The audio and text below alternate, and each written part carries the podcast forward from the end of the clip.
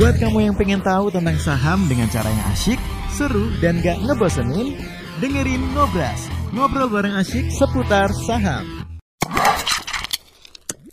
Are you ready? Here we go.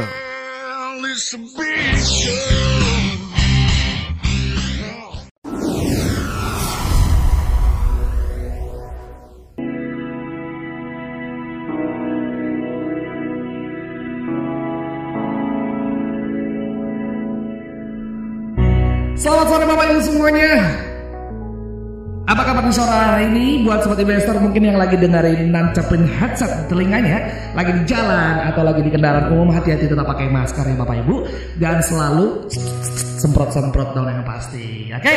Dan buat sobat investor yang udah join sama kita di klinik pasar hari ini apa kabar? Dan udah ada mantri kita.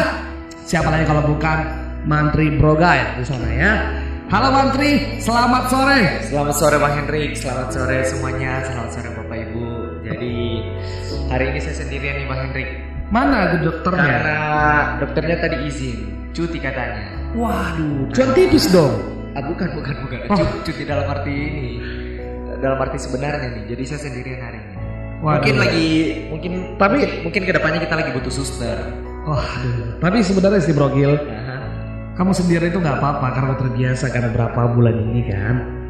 Kamu udah terbiasa sendirian ya, nggak masalah lah. Kok tiba-tiba mulut saya terkunci gitu? Biar siapa tahu dia dengar gitu kan. Jangan jangan, jangan, jangan kau biarkan aku menitikan air mata. Aduh. Enggak, enggak. Oke. Oke. Enggak bercanda.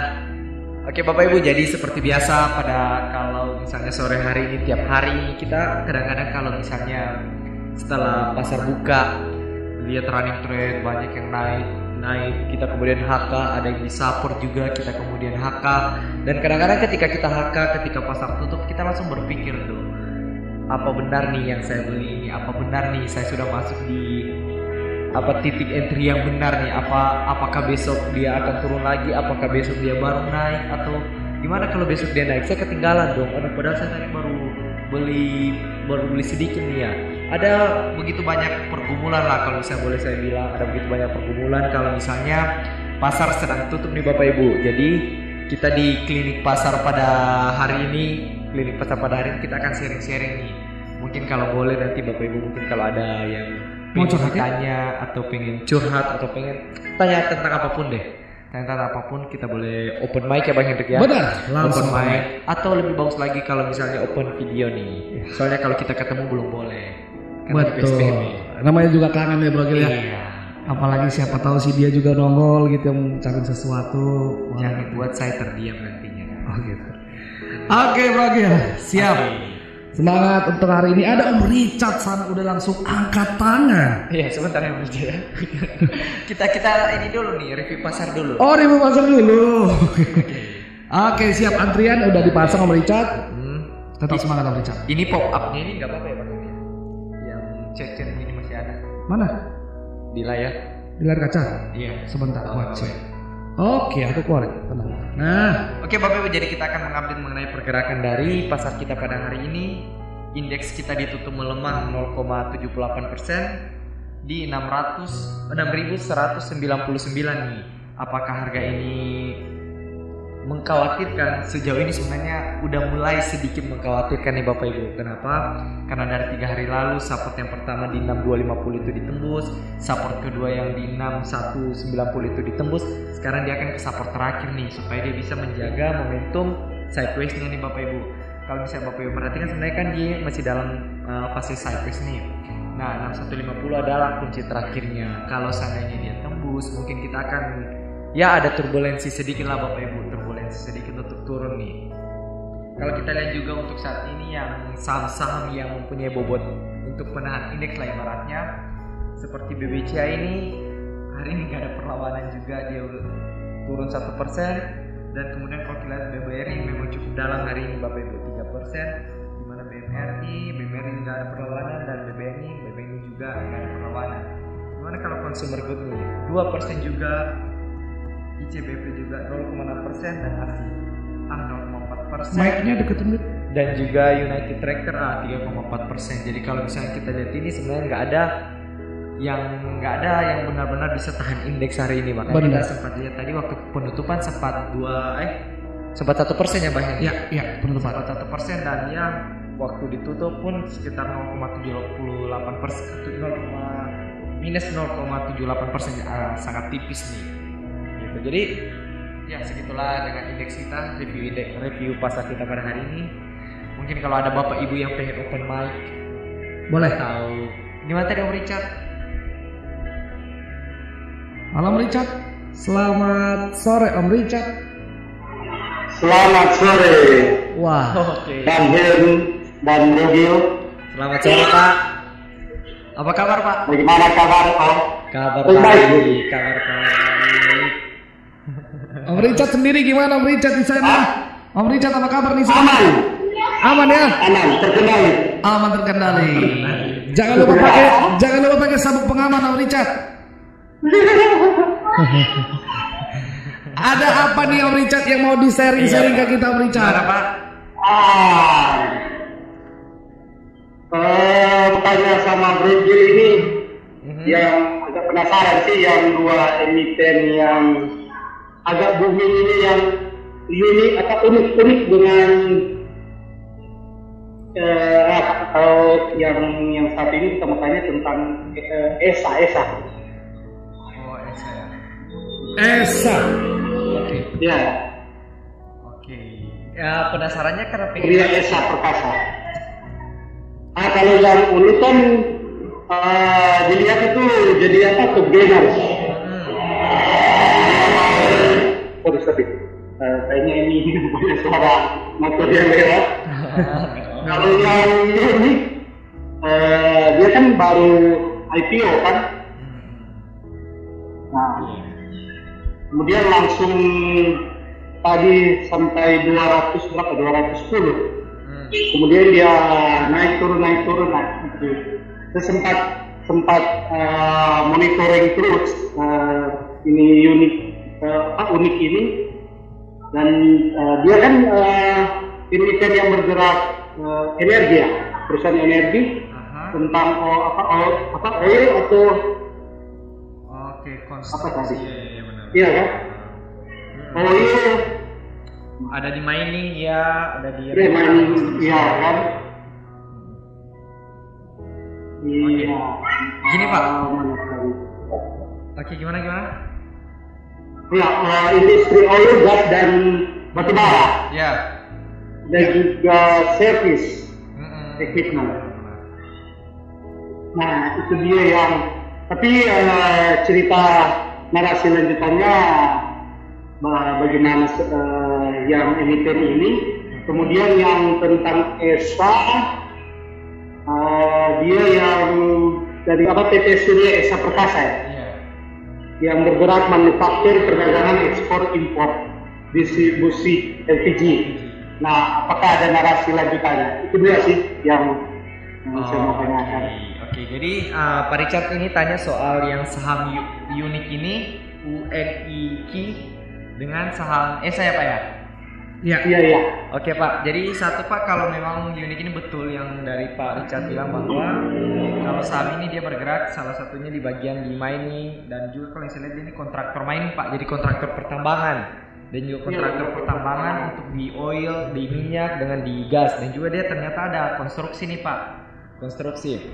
Nah, dia ini mungkin kemungkinan kemungkinan ini untuk bisnisnya ini mirip-mirip seperti yang bisnisnya si Doit Pak. Karena saya ingat saya untuk si Doit itu dia juga bagian kontraktor, tapi kontraktor yang khususnya memang di batu bara tuh Pak. Nah, kalau memang untuk si Unik ini apakah dibilang dia bagus?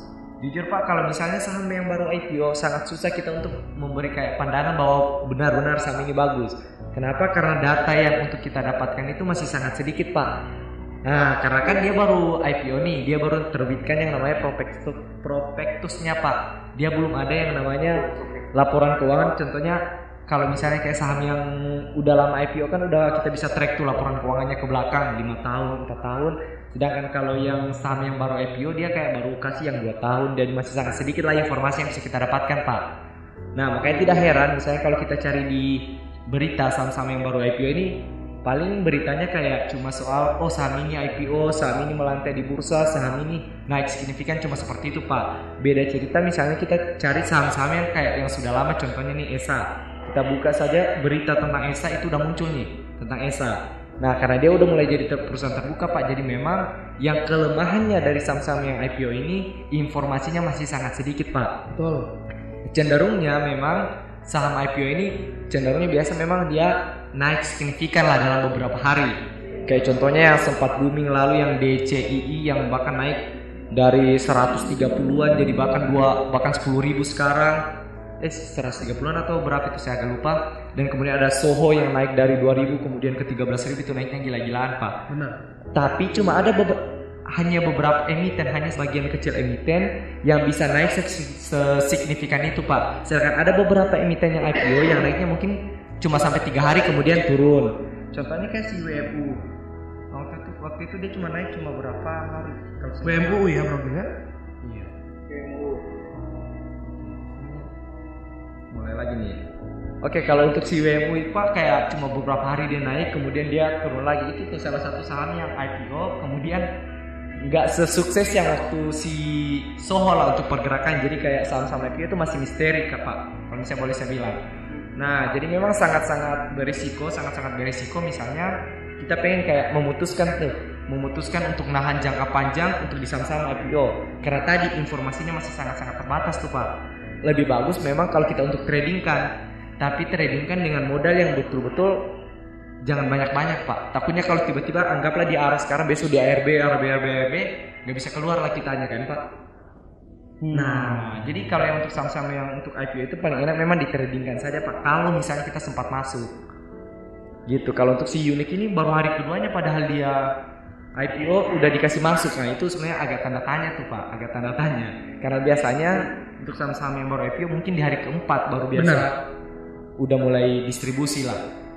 Gitu. Ini sebenarnya mulai agak hati-hati pak. Kalau dia baru hari kedua dia udah bisa masuk lah retail ini. Agak jarang sih sebenarnya gitu tuh pak terus kalau untuk si ESA memang tadi itu bagian distributor dari si LPG pak nah kalau si uh, pegas kalau si pegas itu memang kan dia bagian untuk infrastruktur kayak menyalurkan untuk gas-gas tuh ke rumah-rumah. Nah kalau si ESA ini yang bagiannya LPG LPG LPG itu loh pak, yang melon-melon itu yang gas 3 kilo.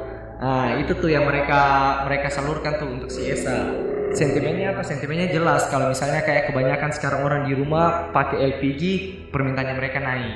Cuma di lain sisi karena mereka ini menyalurkan yang dari pemerintah punya, jelas marginnya itu akan diatur oleh pemerintah pak gitu jadi mereka nggak bisa kayak menjual seenaknya menjual di atas harga yang mereka inginkan nggak bisa pak akan diatur yang namanya margin oleh pemerintah itu yang menjadi salah satu kelebihannya untuk si ESA sih pak gitu kalau coba kita bisa coba saya gabungkan dengan. Dengan dengan chartnya nih pak. Dia masih dia masih ada di area-area support memang pak. Cuma pergerakannya masih agak belum signifik belum ada kayak tanda-tanda untuk ini nih pak. Tanda-tanda kehidupannya nih pak sebenarnya kalau yang saya lihat. Cuma kalau misalnya Pak Richard mau masuk berarti supportnya di 200 pak. Nah tapi dia lebih menarik lagi kalau di atas 270 misalnya dia udah mulai tembus di atas 270 itu mulai menarik pak. Cuma kalau sejauh ini perhatikan saja supportnya di 200 pak gitu karena sebelakangan ini udah sebulan kayaknya dia kayaknya nggak ada perlawanan nih dari bulan 2 kalau kita lihat dia ini turun-turun terus nih nggak ada perlawanan gitu pak Si Esa ya. iya Yang CSA ini kan saya baca juga kan eh, dia juga eh, ada ekspornya. Nah, Ah. bagaimana tentang ekspornya ini? Apakah yang profit dia eh, ah, gimana ya? Maksudnya eh, bisa distribusi bagus di ekspor begitu atau bagaimana? Oke, kalau misalnya untuk ekspornya Pak, kita harus tahu dulu nih Pak, dia ekspornya ke negara mana. Karena memang waktu-waktu pertama kali dibilang lockdown, beberapa negara memang mengunci diri Pak. Jadi mereka nggak mau menerima kayak barang-barang dari luar luar negeri lah, luar negeri. Tapi sekarang kalau kita lihat kebijakan lockdown kan udah mulai agak ini lah Pak, agak melandai, agak udah mulai ada pelonggaran lah Pak di beberapa negara. Hampir kayaknya di kebanyakan negara itu udah mulai pelonggaran nih Pak. Karena kalau saya ingat saya untuk si mereka ini cuma cuma untuk ekspornya kalau saya nggak salah di sekitar Asia Pak. Nah, kalau di Asia itu seingat saya itu belum ada eh, untuk saat ini belum ada yang sampai lockdown yang seketat yang dulu, Pak. Jadi kalau ekspornya sejauh ini sebenarnya perjalanannya udah mulai bagus nih, Pak. Kalau ini karena pembukaan dari eh, pembukaan dari negara-negara yang tujuannya si Asia ini. Cuma memang saya kurang tahu, kurang tahu pasti ke negara mana mereka akan ekspor. Gitu, Pak. Oh, Oke, oke. Sip, sip. Gimana, Pak? Ada lagi, Pak? Iya, sudah. Ada posisi di ESA Om Richard. Dua-dua. Oh, ini sama biasa. Tapi memang eh, kita pikir begini sih, eh, kita kita coba ambil itu rencananya sih eh, lebih ke IPS kan. Hmm. Dengan juga dalam eh, kategori tertentu eh, kita ambil posisi tidak tidak banyak lot juga yang Hmm, yang hmm, di situ kan. Oh, kenapa milih ESA Richard? Em, Siapa tahu? karena eh, yang kita lihat kan dia, dia memang em, perusahaan ini agak agak banyak juga ya kan? Eh, eh, apa? Di bagian apa ini? Eh, apa tadi yang tadi eh, Ekspor impor? di yang ada ekspornya itu kan? Oh. nah saya pikir kan kalau dia mungkin eh, saat ini mulai mulai apa? Recovery Oke. eh, ya kan? Covidnya mulai eh, lama kelamaan kan mulai meredah. Yes. Nanti lama kelamaan kan pasti juga kembali eh, apa akan ada ekspor juga. Tapi memang Benar. eh, saya juga masih cari-cari informasi juga apakah ekspornya ini di daerah mana atau di Ah. negara mana yang yang apa eh, jadi aktif atau misalnya sudah ada kontrak atau gimana. Ya. Iya sih. Oke. Karena jujur, jujur saja sih karena karena kita kan juga masih baru, masih newbie. Jadi eh, agak eh, lebih lebih langsung apa ambil posisi baru cari gitu. Oh. mungkin agak mungkin agak salah kan eh, dari cara pemikiran saya, tapi kalau tidak ambil posisi agak Takut eh, ketinggalan. Tidak apa kalau tidak ambil posisi kan tidak banyak mikir kan. Iya. Ngapain eh, ngapain mau cari tahu tentang ini tadi itu karena kan saya tidak ambil posisi. Sedangkan kalau ambil posisi kan pasti akan cari tahu. Oh, Benar, benar, benar. Kan akan mencari informasi lebih banyak. Benar, benar, benar. Tapi kalau tapi kalau untuk jangka eh, kalau mungkin masuk di saat sekarang, berarti di saat saat eh, mulai recover, re, re, re- recovery, aduh, Recovery. recovery ya Om Didi, eh, eh, Om Brogil ya. Iya. Di saat eh, mulai vaksin udah mulai berdatangan, terus orang-orang udah mulai disuntik vaksin, otomatis ekonomi mulai membaik, ekspor impor udah mulai jalan lagi. Hmm, berarti memang jangka ke depannya perlu diperhatikan ya Bro Gil ya. Cuma Mantap. yang masalahnya sih di fluktuasi harga LPG-nya itu loh bang. Yes. Karena memang kan salah satunya itu harus nggak bisa menaikkan margin seenaknya. Jadi memang ada ada mungkin kesepakatan dengan pemerintah margin berapa yang akan mereka ini. Cuma memang cenderungnya mereka dengan margin yang sangat-sangat tipis. Hmm. Tipis. Ah, Nah, apalagi kan tadi sama apa Brogil katakan tadi kan dia sudah berapa bulan kan dia ya istilahnya hanya datar biasa-biasa belum ada pergerakan kan Mm-mm. jadi saya pikir eh, kayaknya eh, mungkin ada eh, ada saat mungkin dia, dia sudah mau ada momentum jadi saya coba ambil posisi untuk sambil cari informasi sambil juga kita pelajari gitu. Iya betul betul. Itu salah satu cara tuh bang Hen. Ya. Jadi udah nyemplung dulu, baru ter ini apa ter, termotivasi untuk Termotivasi untuk mencari ya. iya. Boleh boleh. karena kita kita kita coba untuk beberapa emiten yang tidak ambil posisi. Hmm. nah, sendiri yang mana yang mau di apa mau di digali lagi kan informasinya yang mana ya? Nah tapi kan kalau kalau dilihat langsung ah sudah ambil posisi langsung jadi penasaran. Nah cari informasi lagi baca lagi gitu kan. Dia sih Iya iya. Bisa jadi salah satu cara itu pak. Mantap pak. Nah itu, itu kadang-kadang dilakukan juga oleh bang Hendrik tuh. Jadi kalau misalnya dia udah ambil posisi, dia udah ambil posisi di salah satu kayak saham-saham yang kayak nikel A di saham-saham yang trio macan, dia langsung cari tuh. Tiap malam dia ikuti pergerakan nikel. Nah bahkan sampai kalau misalnya malam, bet makan nikel kita, ah, katanya gitu. udah ke bawah ini, udah kayak ke bawah gimana gitu. Eh, yang yang kemarin itu bahas tentang apa sama dengan Pak Pat, eh, dia naik bagus ya, ini hari ya. Iya. Karena memang dia dari cat itu bagus pak.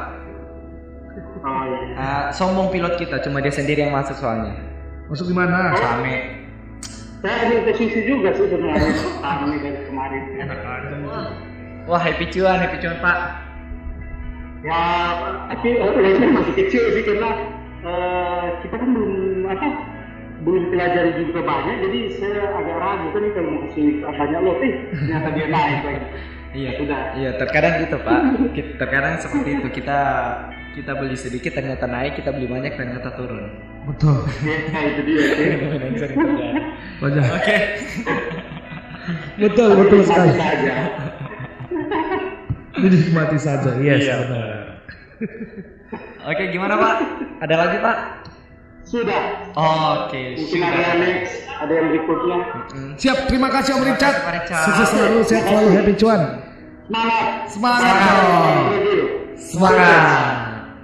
Oke, sobat investor ada Om Richard di sana mengawali obrolan kita sore hari ini ya. Next dengan siapa kita akan berbincang-bincang di sana? Ada yang bertunjuk tangan belum? Selamat sore. YouTube gimana di YouTube? Halo selamat sore. Boleh mau telepon boleh langsung ke 08 triple 1 877 504. Bahas apa nih bro? Bebas Om Hasbi. Om Om Hasbi kita di sini ngobrol di klinik pasar kita Iya. ngobrol ya. Ngobrol-ngobrol tentang portofolio atau mungkin saya masih baru atau belum cemplung sama sekali gimana bang untuk join di sebagai investor nih. Nah buat sobat investor boleh langsung WhatsApp Ah. boleh mungkin atau dihubungi. telepon. Telepon di WhatsApp kita Atau atau 08 triple 1 8 08 triple 1 877 504 jangan buat eh, apa namanya sobat investor jadi nggak nyenyak ya Iya.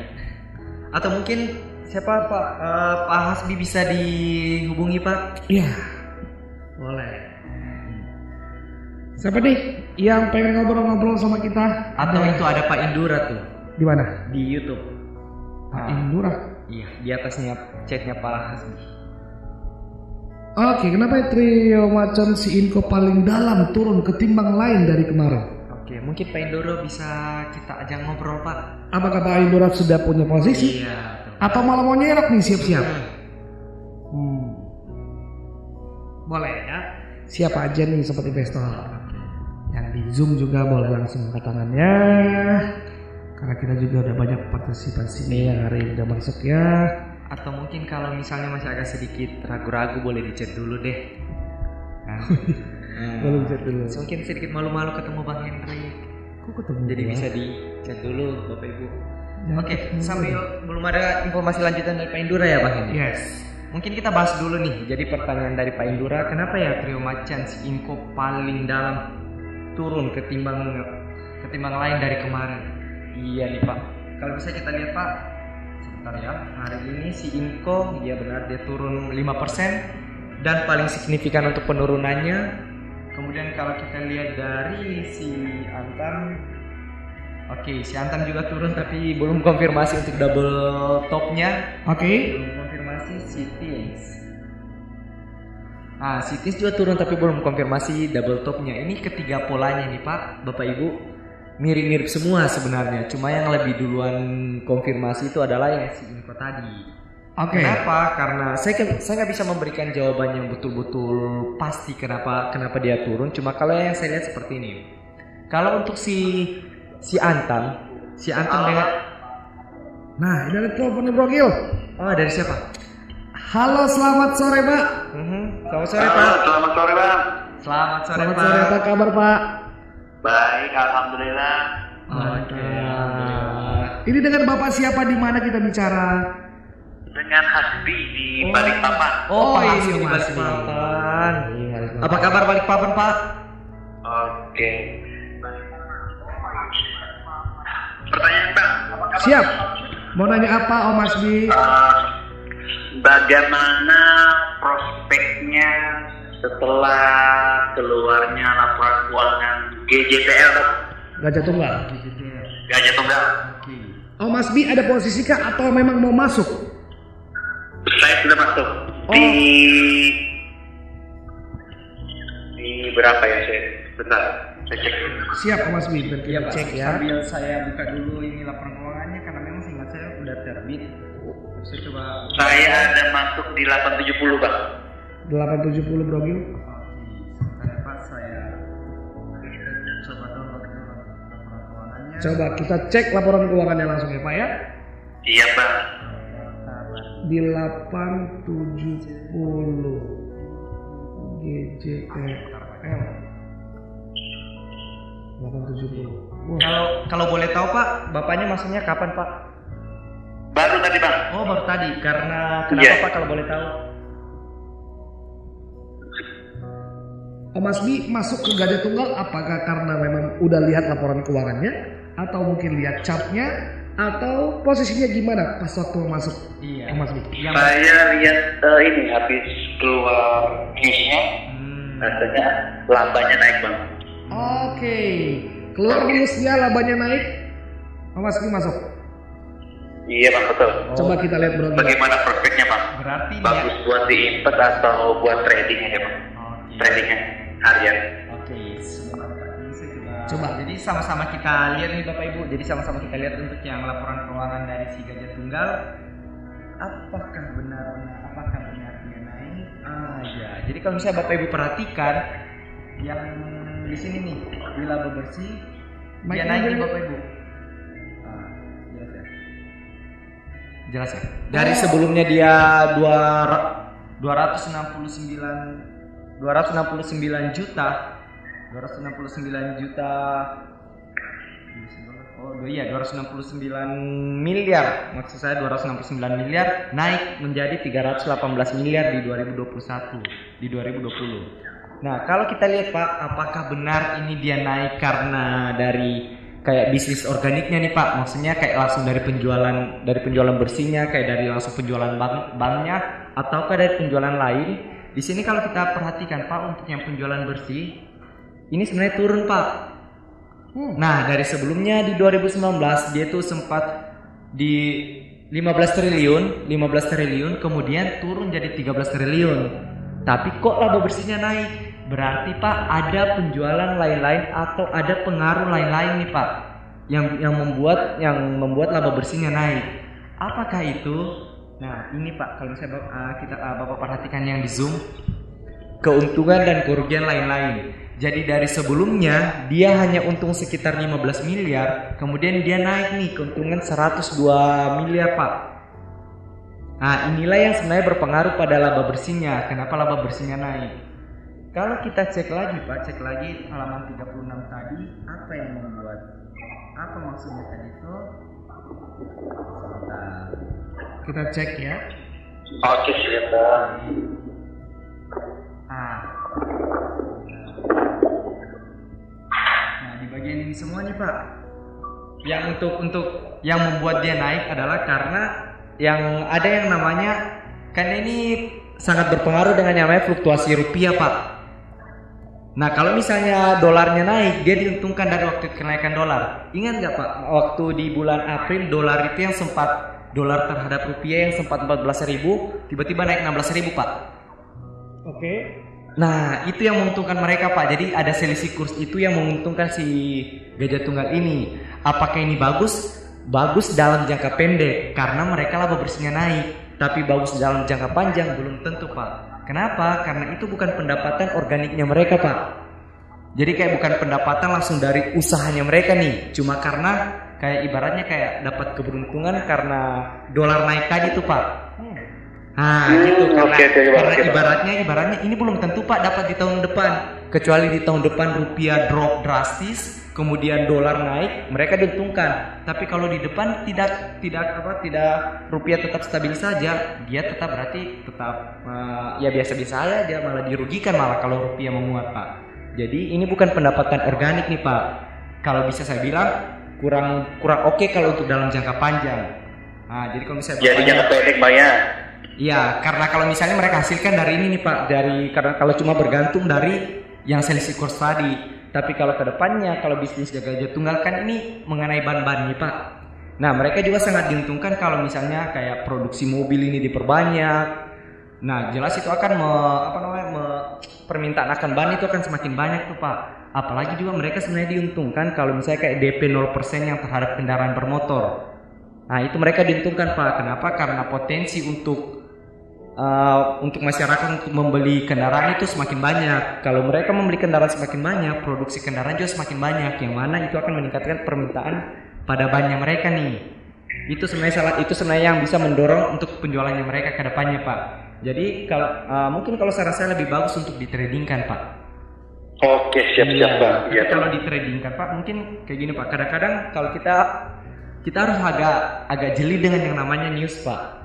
Jadi sebenarnya itu kayak ada istilah yang namanya sell on eh buy on rumor, sell on news atau beli saat masih ada rumor masih rumor dan jual saat like, like up, muncul beritanya tuh Pak. Jadi sebenarnya kalau untuk muncul berita ini sebenarnya waktu yang untuk jual Pak sebenarnya Pak. Oh, jual bang ya? Sebenarnya gitu Pak, pemikiran ininya kalau yang di pasar seperti itu Pak. Tapi kadang-kadang pasar bergerak se- sesukanya lah kalau misalnya kita bilang. Nah di sini saya coba perlihatkan untuk chartnya si gajah tunggal Pak. Untuk saat ini sebenarnya dia ada satu resisten Pak di 900. Nah kalau seandainya dia break di 900, dia break di 900. Nah ini momentumnya berlanjut tuh Pak. Cuma hati-hati kalau seandainya ternyata dia nggak sampai di 900. Nah berarti area stop lossnya di mana supaya bapak bisa ya kayak istilahnya kalau nggak sesuai rencana ternyata dia malah turun dan modalnya bapak masih bisa terjaga, cut lossnya bapak masih sedikit, berarti per- eh, perhatikan saja untuk area supportnya pak di 860 pak. 860, siap-siap. Kalau di bawah 860 mungkin alangkah baiknya Bapak menyelamatkan diri dulu lah istilahnya kayak minimalisir resiko. Jadi kalau bisa cut loss ya cut loss tapi nggak banyak. Oh iya, siap-siap bang. Takutnya dia turun turun lagi ke 800 itu agak bahaya Pak. Gitu. Oke, siap bang. Ah. Monitor. Jadi resistnya sekitar 900 bang ya? Resist resistnya kalau dia tembus di atas 900 itu menarik Pak. Tapi kalau dia nggak tembus di 900 ini agak bahaya Pak. Oh iya, Jadi- naik bang ya. Amin. Perhatikan saja supportnya di 860 Pak. Supportnya di mana Bang? 860. Supportnya 860 ya. Pak? Iya. Dijagain di 860 ya Pak. Baik bang, siap-siap di monitor bang. Mantap Pak. Gimana Pak? Bang boleh nanya satu lagi bang? Boleh, Boleh, boleh, boleh. Pak. Untuk saham konstruksi, kira-kira kapan boleh masuk bang? Ini kan turun terus nih kita lihat ini. Iya. Kalau boleh tahu Pak, saham konstruksi yang lagi incarannya lah dari Bapak ini apa Pak? Eh, WSKT bang sama Adi bang. Satu sama Adi Karya ya. Iya bang. Oke, kalau sejauh ini Pak, sebenarnya yang pen- yang membuat sebenarnya pasar agak pasar sebenarnya lagi menunggu ini Pak kalau untuk yang konstruksi karena terakhir info mengenai SWF itu sangat kuat nih bagi mereka nih. Cuma belakangan ini kita lihat udah kayak mulai menghilang nih untuk info-info soal SWF. Kita belum tahu kapan mereka beroperasi karena ada yang bilang mereka akan beroperasi pada bulan April, ada yang bilang mereka akan beroperasi pada bulan Maret. Tapi sampai sekarang belum ada narasi lanjutan, Pak. Ini yang sebenarnya lagi yang ditunggu pasar nih, makanya pasar kayak agak sedikit uh, istilahnya kayak agak sedikit moodnya lagi kayak nggak suka lah ini kok kok belum ada nih narasi-narasi lanjutan dari si yang konstruksi-konstruksi ini.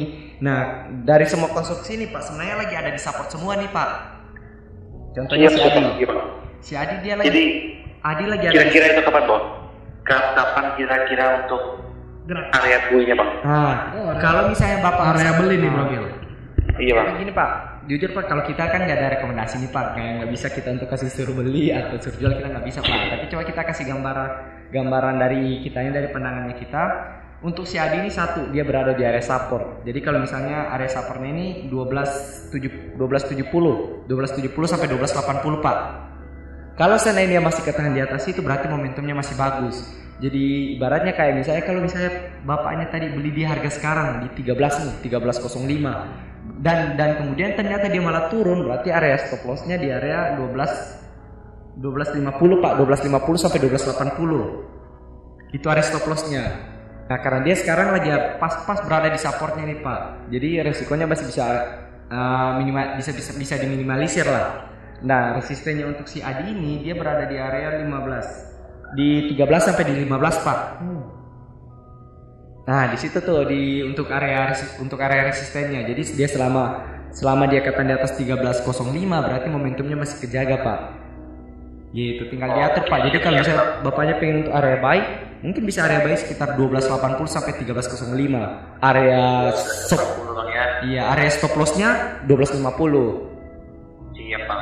nah gitu pak berarti ini dibilang su- eh, Adikarya sama Was kita ini udah di posisi support ya bro iya hampir semua bahkan konstruksi bang Hendrik oke Oke bang. iya Dan untuk masuk tadi yang daerah-daerah yang kamu ngucapin tadi bro, ya? iya dan untuk area risikonya tadi di 1250 12.50. Hmm.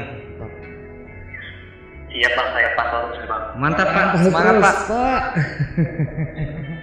Bang, apakah nanti ini kan belum keluar bang ya untuk eh, laporan keuangan kuartal 4 nya bang? Yang mana Pak?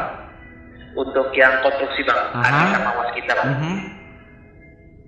Apakah lebih baik menunggu dulu bang ya? Karena gini Pak, ya, kalau menurut saya nih Pak, kalau menurut saya kemungkinan laporan keuangan mereka semua turun semua Pak. Turun semua bang ya? Iya, karena memang kalau yang dari berita-berita yang sebelumnya itu kalau untuk marketing salesnya, eh marketing sales, untuk uh, proyeknya mereka itu turun semua Pak. Jadi nggak ada yang mencapai kalau nggak salah ya nggak ada yang mencapai target Pak. Jadi turun semua. Jadi kalau misalnya proyeknya mereka turun, jelas pasti untuk pendapatan mereka juga potensi besarnya itu turun juga Pak. Gitu. Jadi kalau misalnya berita berita laporan keuangannya itu kalau saya nggak salah itu maksimal April terakhir keluar. Kalau misalnya April keluar, begini laporan keuangannya misalnya jelek dan misalnya secara teknikal mendukung kita bisa masuk pas sebenarnya. Jadi kebalik tuh. Oh begitu bang. Apa, apakah Hmm. nanti ada pengaruhnya bang kalau laporannya nanti jelek malah ambruk lagi? Tergantung Pak. Kalau misalnya memang jelek banget, kadang-kadang itu direspon mark, direspon pasar kayak misalnya pagi-pagi langsung drop, tiba-tiba naik lagi. Kadang-kadang seperti itu Pak. Kayak terakhir ya LPPF Pak, waktu dia drop banget itu waktu pagi-pagi itu sempat turun dulu, tapi naik lagi Pak. Jadi kayak mengenai laporan keuangan ini sebenarnya responnya market itu sudah terjadi lebih dulu Pak. Jadi pas dirilis itu udah price in Pak. Hmm, iya iya. iya, Gitu. Bang. Nah, jadi kayak harus dari jauh-jauh hari nih kita harus tahu oh kira-kira laporan keuangannya meningkat nggak ya? Jadi sebenarnya nggak ada cara yang pasti untuk mengetahui apakah laporan keuangan tahunannya itu meningkat, tapi sebenarnya bisa kita lihat dari kayak misalnya di RTI di kuartal tiganya. Kalau kuartal tiganya sebenarnya udah naik, secara tahunan juga dia udah naik, cenderungnya itu meningkat. Tapi kalau misalnya udah turun, ya mungkin turun. Itu sih yang cara paling gampang kalau misalnya kita uh, bisa kayak proyeksi lah, oh kira-kira naik gak ya, turun gak ya, gitu. Oke oke oke bang. Mantap. Oke pak? Siap bang, iya bang. Oke, Pak. Monitor ya bang. Oke pak. Ada lagi Om. A- Ada bang, satu lagi boleh bang. Siap. Ya gimana pak? Untuk ini bang, prank bang, prank. Aha. Friend ya. Kira iya kira-kira sanggup berapa kira-kira naiknya bang? ya? Soalnya saya belum belum beli juga sih bang. Kira-kira aja bang. Oke pak. Kalau untuk si Friends sebenarnya salah satu narasinya mengenai rai isunya mereka nih pak. Nah si rai, nah, rai isunya ini yang kadang yang biasanya itu direspon positif oleh market sebelum hari cum date-nya. Itu yang biasa direspon direspon bagus nih oleh market pak. Cuma yang jadi masalah mereka udah mengeluarkan uh, harga pelaksanaan nih. Harga pelaksanaannya kalau saya nggak salah itu 120. Apakah dia akan ke 120? Kita belum tahu. Kenapa? Karena kita belum dapat nih harga teoritisnya.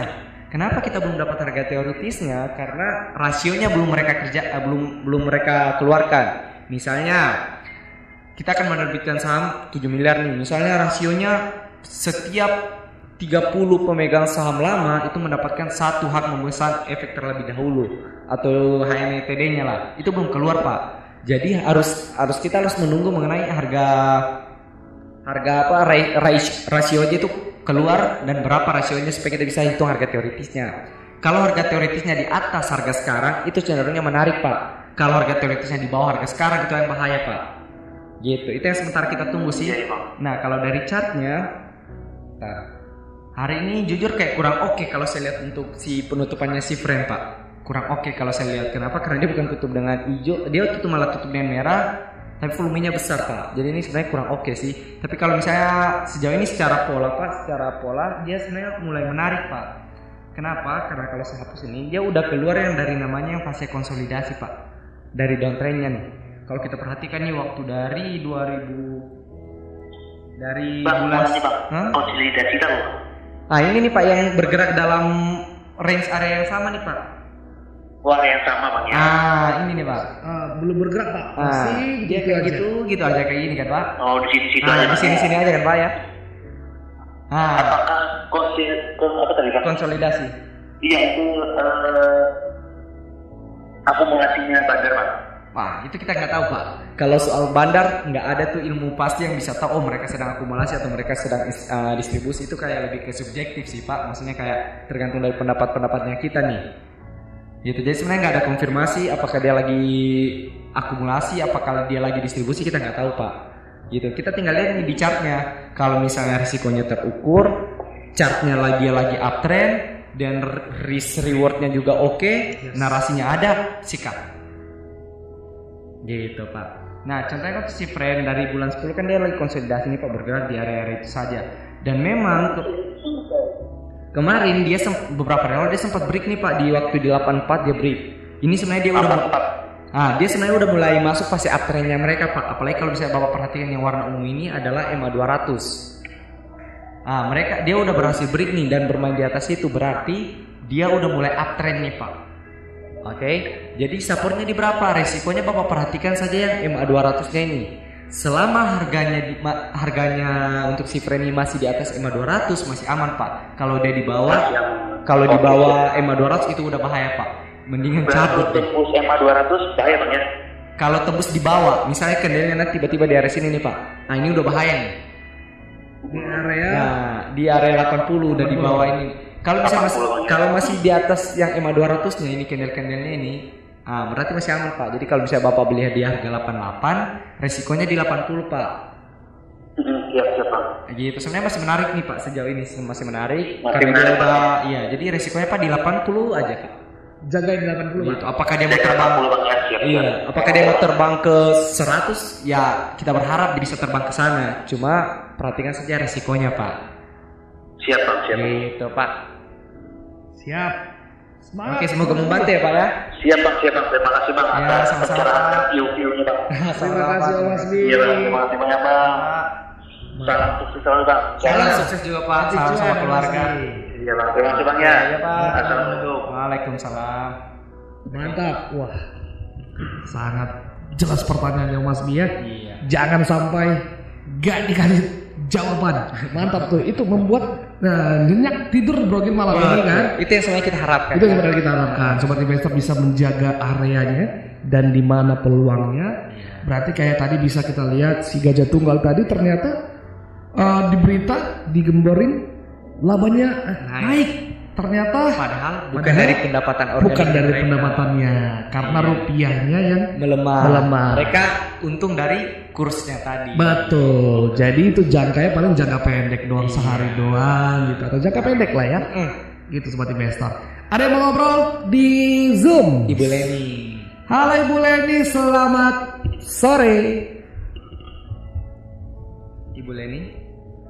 Selamat sore Bu. Halo? Halo, Halo selamat sore Bu. selamat sore. Ya.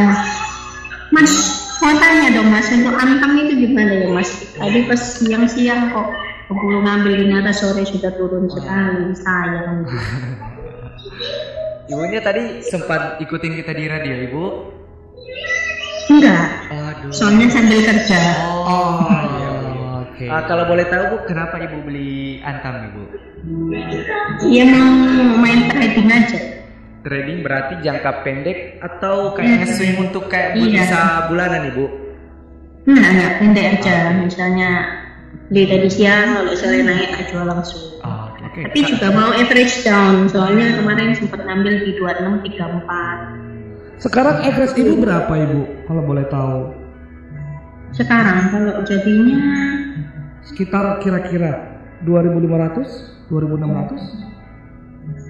Eh, kalau sama ambil sekarang jadi bentar ya. Iya ibu. Kita 2400-an. 2400 bro Gil. Iya. Posisi ibu ada di 2400. Coba kita cek mana antam 2400 ya. Di 2400 ya.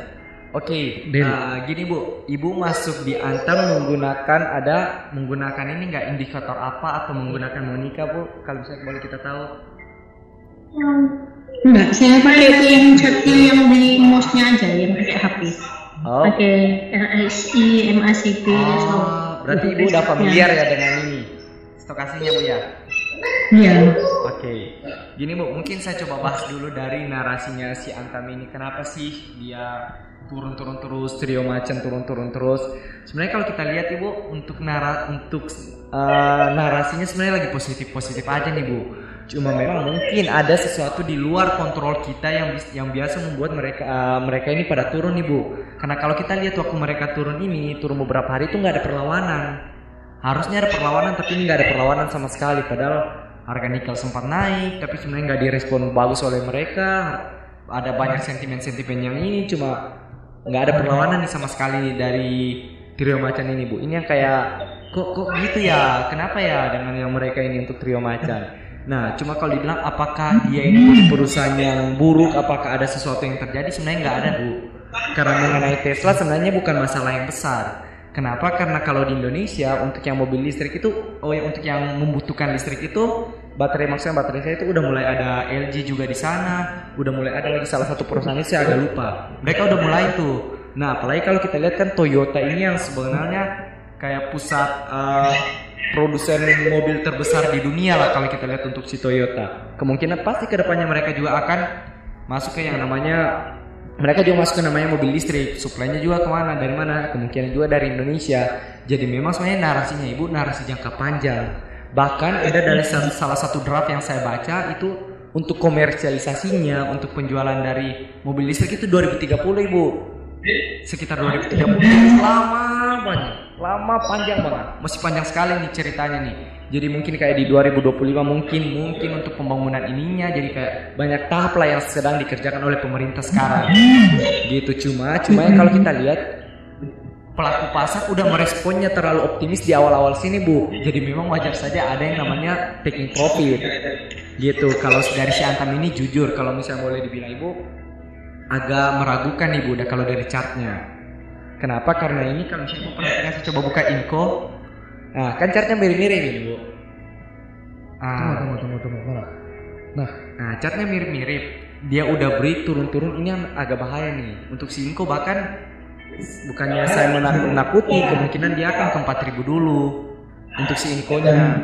Si Antam, saya saya cuma takutnya si Antam malah kalau seandainya ini kan di bagian 2000 ini Bu di 2000 2000 sini ini adalah support kuatnya nih Bu. Saya, saya takutnya saya, saya kekhawatiran saya kalau seandainya dia break di bawah 2000 ini takutnya dia malah ke bawah 2000 ibu. Itu yang saya takutkan ibu. Nah, karena sejauh ini belum ada perlawanan. Main cepat aja ya berarti Iya. kalau bisa naik dijual dulu ya. iya gitu bu. Kalau mungkin boleh saran kayak gini bu. Kadang-kadang ibu eh, ini nggak bisa maksudnya kayak rela nggak kalau untuk cut loss nih ibu Bisa apa? kayak rela re- rela nggak kalau misalnya ibu misalnya kayak beli saham kemudian langsung cut loss semuanya bu Hmm, agak susah bu ya ya ya agak iya lumayan. agak susah bu ya Udah lumayan banyak ya. Iya. Jadi itu kadang-kadang jadi kayak jadi fenomena apa dilema kita semua sih kalau misalnya udah agak dalam itu kayak agak ragu nih mau cut loss. Kalau kalau, Iya. kalau mungkin saran saya kayak gini. Lima lima persenan di atas lima persen sedikit gitu. Iya. Kalau mungkin ka- kalau mungkin saran saya gini bu. Eh, jangan dulu di average down bu. Sangat berisiko kalau misalnya ibunya average down sekarang jangan dulu. Jadi supaya bisa menjaga modalnya ibu nih. Nanti kalau misalnya average down saja kalau misalnya dia udah dianggaplah ke di 2000 nih.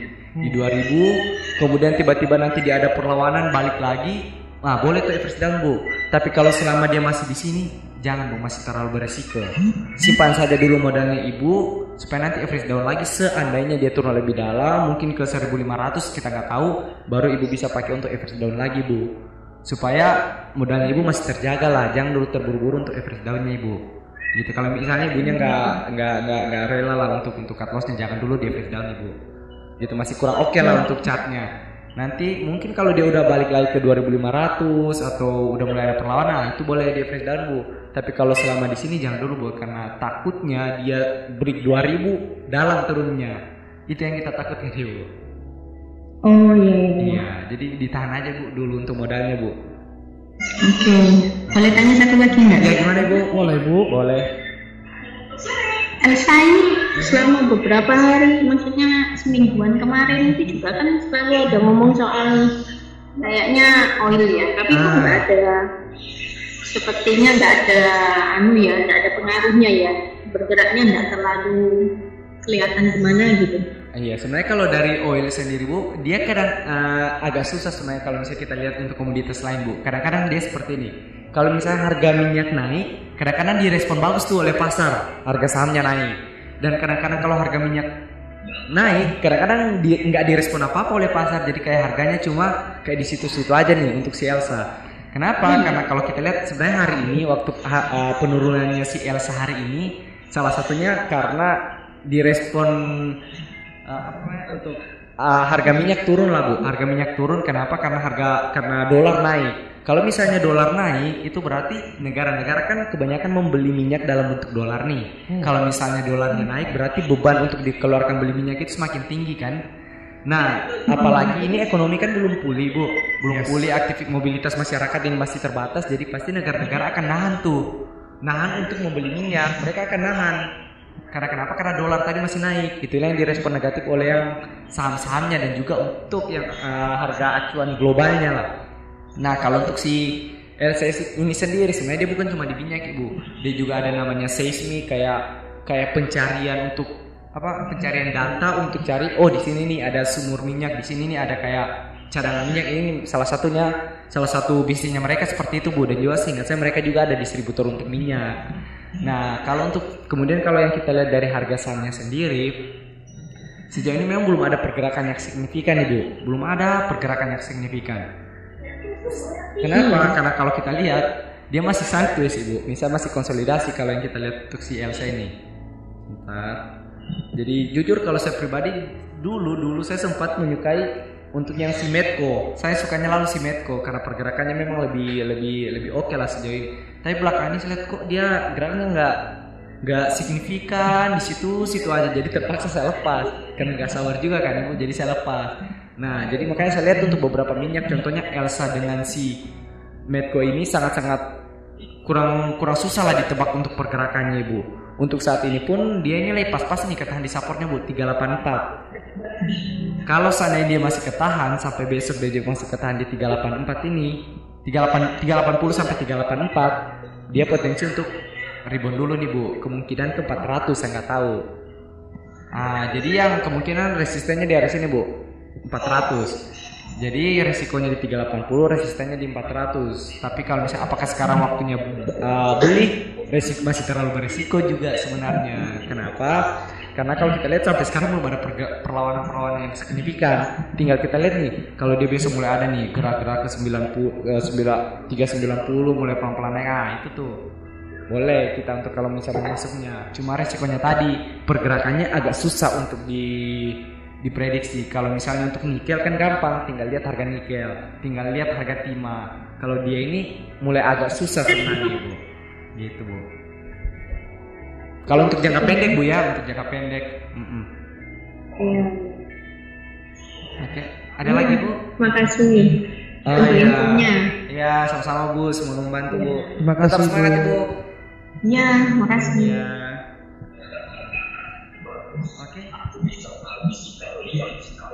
Oke, kita ada ada ibunya yang udah cerita-cerita ke kita bro ya. Ada lagi bapak ibu yang mau ngobrol? Oke, ada tuh di Zoom bahkan. Ada di Zoom siapa? Oh. Tadi boleh ini udah ya. Pendapatan non organik naik harus hati-hati karena tahun depan belum tentu dapat lagi. Gimana gimana? Pendapatan non organik har- naik harus hati-hati karena tahun depan belum tentu dapat. Ah, betul Pak. Iya, betul Pak. kerja Pak Cesar ya. ya. Betul Pak Cesar, betul betul. Basal zinc dan doit dulu om. Ah, ini ada Om Sainuddin. Halo Om Sainuddin, selamat sore. Apa kabar?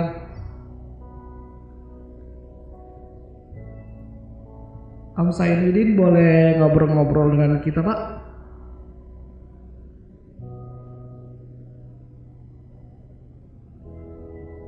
Halo. Om Sainuddin atau mungkin mungkin masih ini ya atau kita bahas dulu Pak. Sambil ada juga pertanyaan banyak lagi banyak pertanyaan di YouTube tuh. Nah, dia di YouTube boleh boleh telepon WhatsApp kita di 08111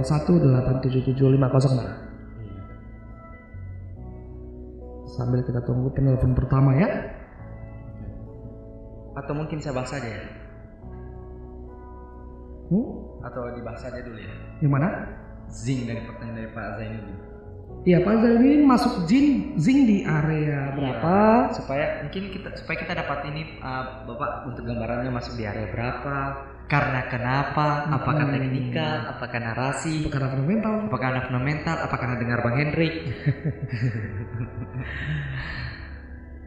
Ah, 200 untuk untuk yang mana ya Pak ya? 200 ya duit apa sih apa ya? Doit. Eh, salah, salah ketik. Kok dari situ Doit? Enggak baca, enggak baca. 200 yang mana ini Om Zainuddin? Kayaknya Pak. Oke Pak. Om Yulia, Yu, ini ibu Zing, atau oh, Mas oke. ya? Bapak Yulian. Gini Pak, kalau untuk Zing, Zing. ini kan dia dia juga ini bagian uh, produksi dari Sing juga nih Pak di bagian sing-sing. Dia lalu kalau misalnya Bapak Bapak sempat penasaran waktu dia sempat naik kencang-kencang nih, waktu dia bahkan di tahun lalu ini nggak muncul di running thread bahkan yang yang apa namanya snipernya kita di sini Bang Hendrik bahkan nggak sempat terpantau nih waktu dia muncul di running thread ya Bang Hen ya. Ya, Yang waktu dia naik rapi banget Benar, ini. benar, Sebenarnya salah satu waktu itu rumornya mengenai dia bahannya ini bisa digunakan. Ada satu penelitian yang bilang bahwa bahannya ini bisa digunakan untuk listrik, Pak. Untuk untuk untuk baterai lah. Saya juga masih kurang paham mengenai komponen-komponen apa yang bisa eh, yang dari produknya ini bisa menjadi di baterai itu, Pak. Makanya sempat waktu itu harga sahamnya itu sempat naik. Tapi setelah itu nggak ada kelanjutan. Kemudian dari berita-berita yang bersim yang banyak itu rumor itu akhirnya harga harga sahamnya ini turun nih pak gitu. Karena kalau sejauh ini saya coba buka di RTI RTI ini pak untuk dari Zin ini. Oke sebentar pak ya. Oke. Dari kita coba lihat dari beritanya nih pak.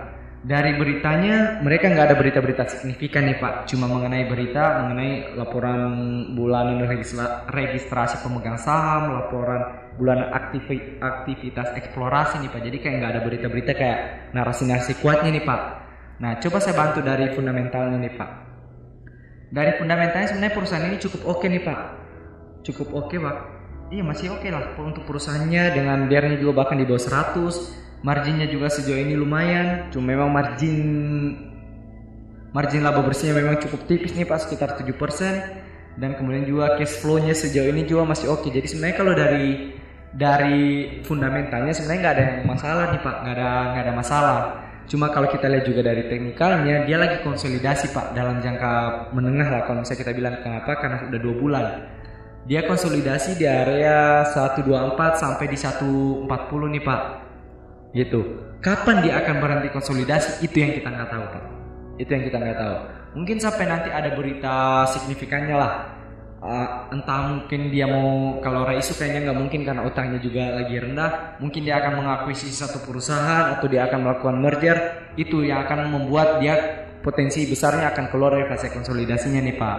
Nah kalau bisa dibilang apa yang harus saya lakukan nih dia kalau saya memiliki harga di atas 200 jujur pak kalau bisa boleh kita uh, bilang tahan aja dulu pak. Tahan aja dulu karena bapak masih berarti masih floating loss ya pak ya Nah, berarti perhatikan aja Pak, supportnya di sekitar 124. Kalau sana di bawah 124 itu tuh bahaya banget tuh Pak. Kalau misalnya harganya tiba-tiba turun di bawah 124 itu yang bahaya banget Pak. Mungkin boleh Bapak mulai realisasikan pelan-pelan. Realisasinya ya mau nggak mau Pak direalisasikan pelan-pelan untuk di lossnya tadi kalau sebenarnya dia di bawah 2124 Pak. Takutnya dia malah turunnya lebih dalam. Tapi kalau selama dia dia diam di satu area ini yang 124 144 Bapak tahan aja Pak gitu resikonya apa? resikonya kita nggak tahu kapan dia akan bergerak. Gitu pak. Terus kalau mengenai doi kalau untuk si doi tadi pak dia lebih ke kontraktor batubara pak. Nah kalau yang lain kayak PTBA kita nggak bisa terlalu menyamakan dia dengan kayak PTBA atau Adro atau ITMG karena mereka murni sebagai batu produsen batubara sebagai sedangkan dia sebagai kontraktor batubara nah seingat saya seingat saya koreksi kalau saya salah bapak ibu dia punya satu kon, uh, dia punya satu lahan itu di bagian Kalimantan sana. Itu tuh untuk yang kontraktor untuk mereka lagi ada banyak project lagi untuk di Kalimantan sana. Dan cenderung untuk si Doit ini kalau misalnya kita lihat belakangan hari ini harga batu bara itu turun lagi pak harga batu bara turun dan juga sekalipun kadang-kadang harga batu bara naik nggak direspon positif tuh oleh saham-saham batu bara dan itu yang kayak kok bisa ya kok kok aneh ya jadi memang untuk yang di batu bara ini pak mereka lagi menunggu sentimen dari dalam negeri. Nah satu yang royalti mengenai 0% itu sangat menguntungkan tuh bagi mereka. Dan juga ke depannya kalau misalnya ada yang namanya gasifikasi ke kayak iya gasifikasi ke DME itu yang sangat menguntungkan si mereka nih pak. Untuk yang salah satunya juga doit pasti kena kena apanya kena efeknya lah kalau misalnya kita bilang. Nah gimana nih kalau kita lihat dari chartnya? Dari chartnya mereka dia lagi downtrend pak tapi dari dalam jangka menengah dia lagi sideways. Nah bapak tinggal perhatikan tuh supportnya di 276 kalau dia masih ketahan di 276 masih oke nih pak. Cuma kalau dia break di bawah 276 itu tuh bahaya pak. Kenapa? Takutnya dia malah ke 230an itu yang agak bahaya. Nah kalau kita perhatikan ini kan EMA 200 nya udah mulai pelan-pelan naik nih. Kemungkinan besar dia akan ketahan di 276 dulu nih. 276 ketahan EMA 200 nya naik ke atas ini ya bermain di atas ini berarti supportnya ini bisa jadi support kuat tuh pak gitu. Cuma kalau untuk sentimen kuatnya dari si Doit memang gue sampai sekarang belum ada cuma mengenai sentimen yang tadi royalti 0% itu. Gitu. Dia lagi menunggu mengenai kayak kebijakan-kebijakan baru lah dari pemerintah untuk sektor-sektor pertambangan ini pak. Kayak gitu tuh si doi oke. Oke bang Hendrik. Mantap. Terima kasih Gogil. Mungkin satu penelpon lagi. ada Yang ibu Irisandi tuh ibu Irisandi eh iya ya koreksi kalau saya salah sebut nama ibu bapak atau ibu Irisandi Winata Nasution bahas BPT Dex. Siap. Atau mungkin yang di YouTube boleh telepon di WhatsApp kita ya di 08 triple 1 877 Atau Ibu Irisani selamat sore Ibu. selamat sore ibu Ibu Winata. udah di ini nggak Udah dong. Oke Halo Bu Winata.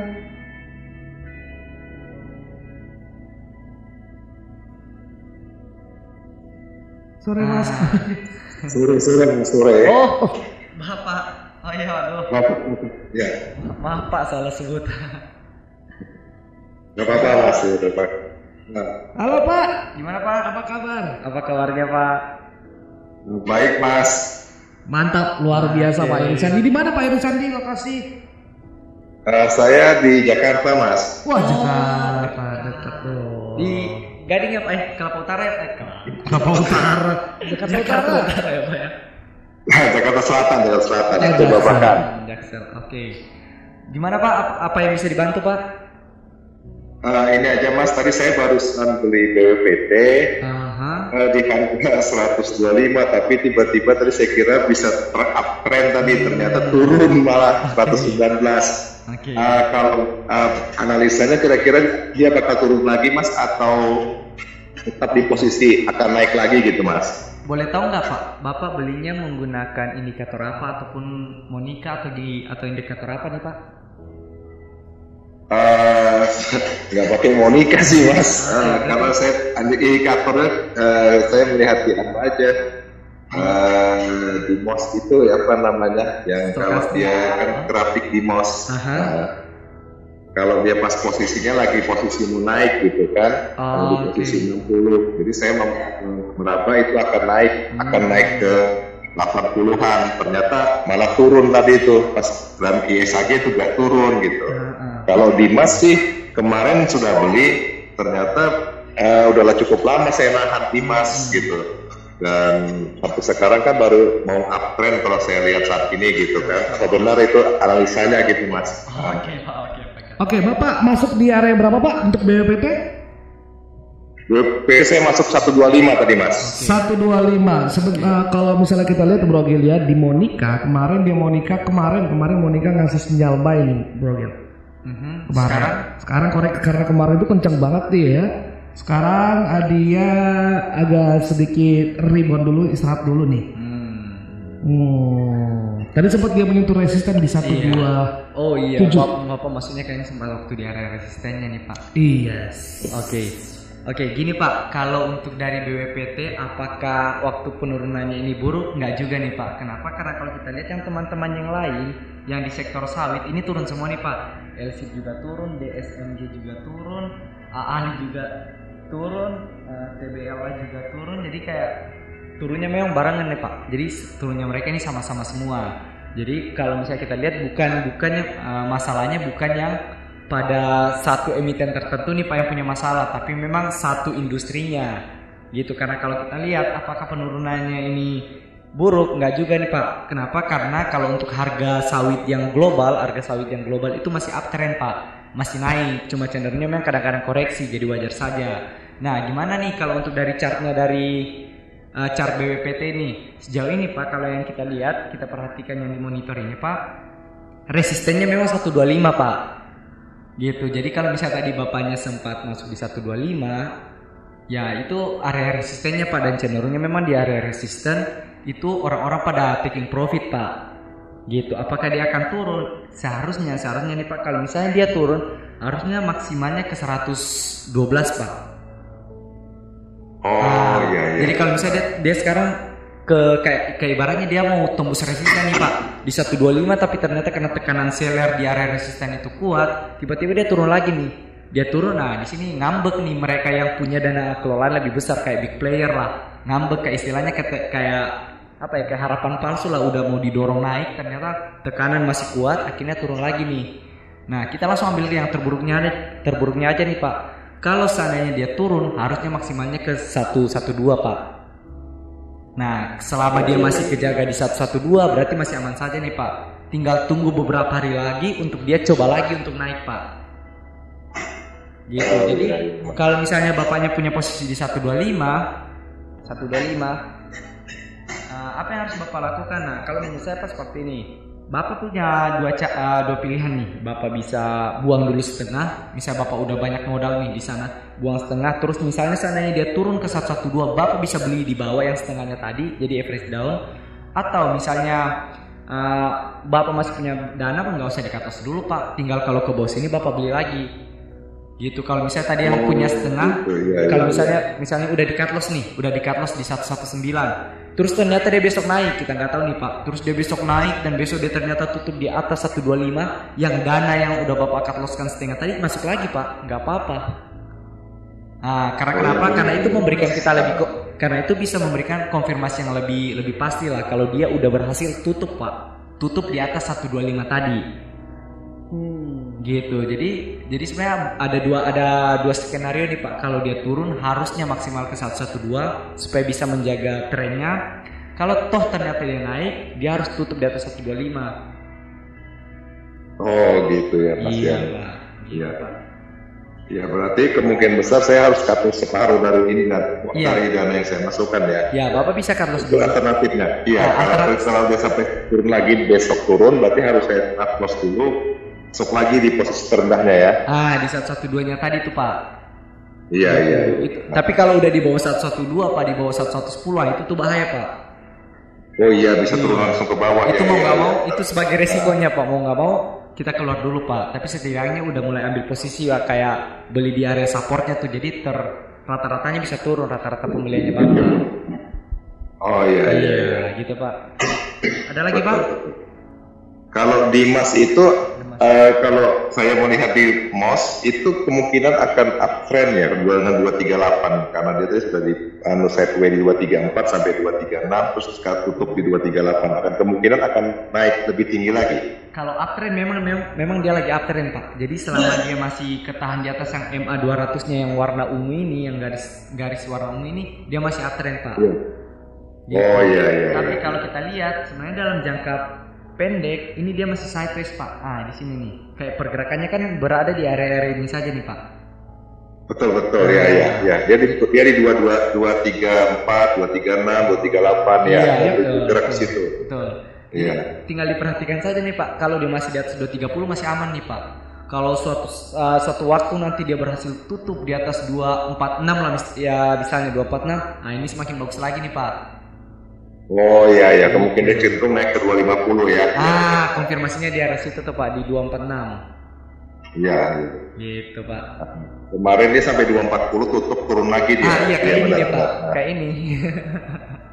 Iya benar. Oke, jadi memang harus agak lebih sabar sih kalau untuk si Demas selama sapornya ketahan berarti masih aman-aman saja Pak.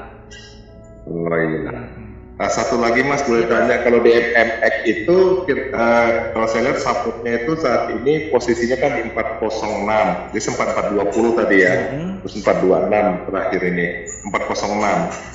Nah, tapi sudah sudah mulai dekat uptrend karena dua, dua hari yang lewat mulai dari eh, Jumat Senin dia merah. Hmm. Nah, dia naik. Nah, ini kemungkinan besar akan melanjutkan atau dalam sideway nih, Mas. Kalau yang kita lihat dia masih sideways nih Pak. Dia pas-pas ketahan di area supportnya Pak. Jadi supportnya di 400 Pak. Oh iya iya Nah, tertahan di situ betul iya. betul. Nah, iya. Jadi dia lagi Ah. lagi lagi sideways di area sini nih Pak. Nah Bapak tinggal perhatikan nih. Kalau saya masih kejaga di 400, oke berarti masih aman. Tapi kalau di bawah 400 itu tuh bahaya Pak. Berarti yang yang sideways selama ini di sini adalah distribusi Pak. Oh iya betul. Ah, iya iya distribusi. Ya, itu yang bahaya Pak. Kalau distribusi itu bahaya. Jadi tinggal Bapak perhatikan di 400. Kalau misalnya masih akan 400 masih oke. Su- eh, resistennya masih agak jauh nih 464. Hmm, gitu. 464, iya iya iya. Tapi iya. Ke depannya Bapak harus perhatikan kalau misalnya dia masih di bawah di bawah 400 volumenya di bagian sini tiba-tiba gede penutupan wah itu agak bahaya tuh Pak kenapa karena takutnya dia ke 350-an Pak Oh, berarti baik baik cut loss saja ya. Iya. Nanti ya. Jadi- Ah, kita ambil bawah lagi serok bawah ya. betul Pak Iya, iya. betul Oke oke Mas ya ya. Jadi kalau tadi BPT pokoknya cut loss separuh kalau dia turun lagi cut loss tunggu di 112 ya. iya Bila itu memang tidak memungkinkan lagi satu dua, berarti cut loss saja sekalian habis. Betul. Nanti diambil di bawahnya lagi ya. betul sekali Ya, betul Ah. ya Mas ya. Oke Mas ya. Oke, Terima Mas. kasih Mas. Iya, Mas, sama-sama, halo, Mas. Ya Mas. Mantap. Aduh, ada Om Iri Sandi di sana ya.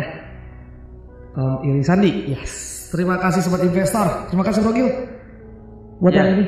sama-sama Buat sobat investor, kalau misalnya Aduh aku nggak bisa tolak hari ini Besok jangan sampai ketinggalan Jam 16 kita jam 16.30 Kita ada selalu di klinik pasar Kita ngobrol-ngobrol memuaskan sobat investor lah ya Dan yang pasti eh, Sobat investor bisa nyenyak tidurnya Dan semakin paham lah ya Untuk untuk portofolionya Yang eh, mohon maaf bila ada eh, Masih ada yang belum kita bahas Bapak Ibu Besok kita bahas lagi untuk kita ketemu lagi ya di klinik pasar pastinya.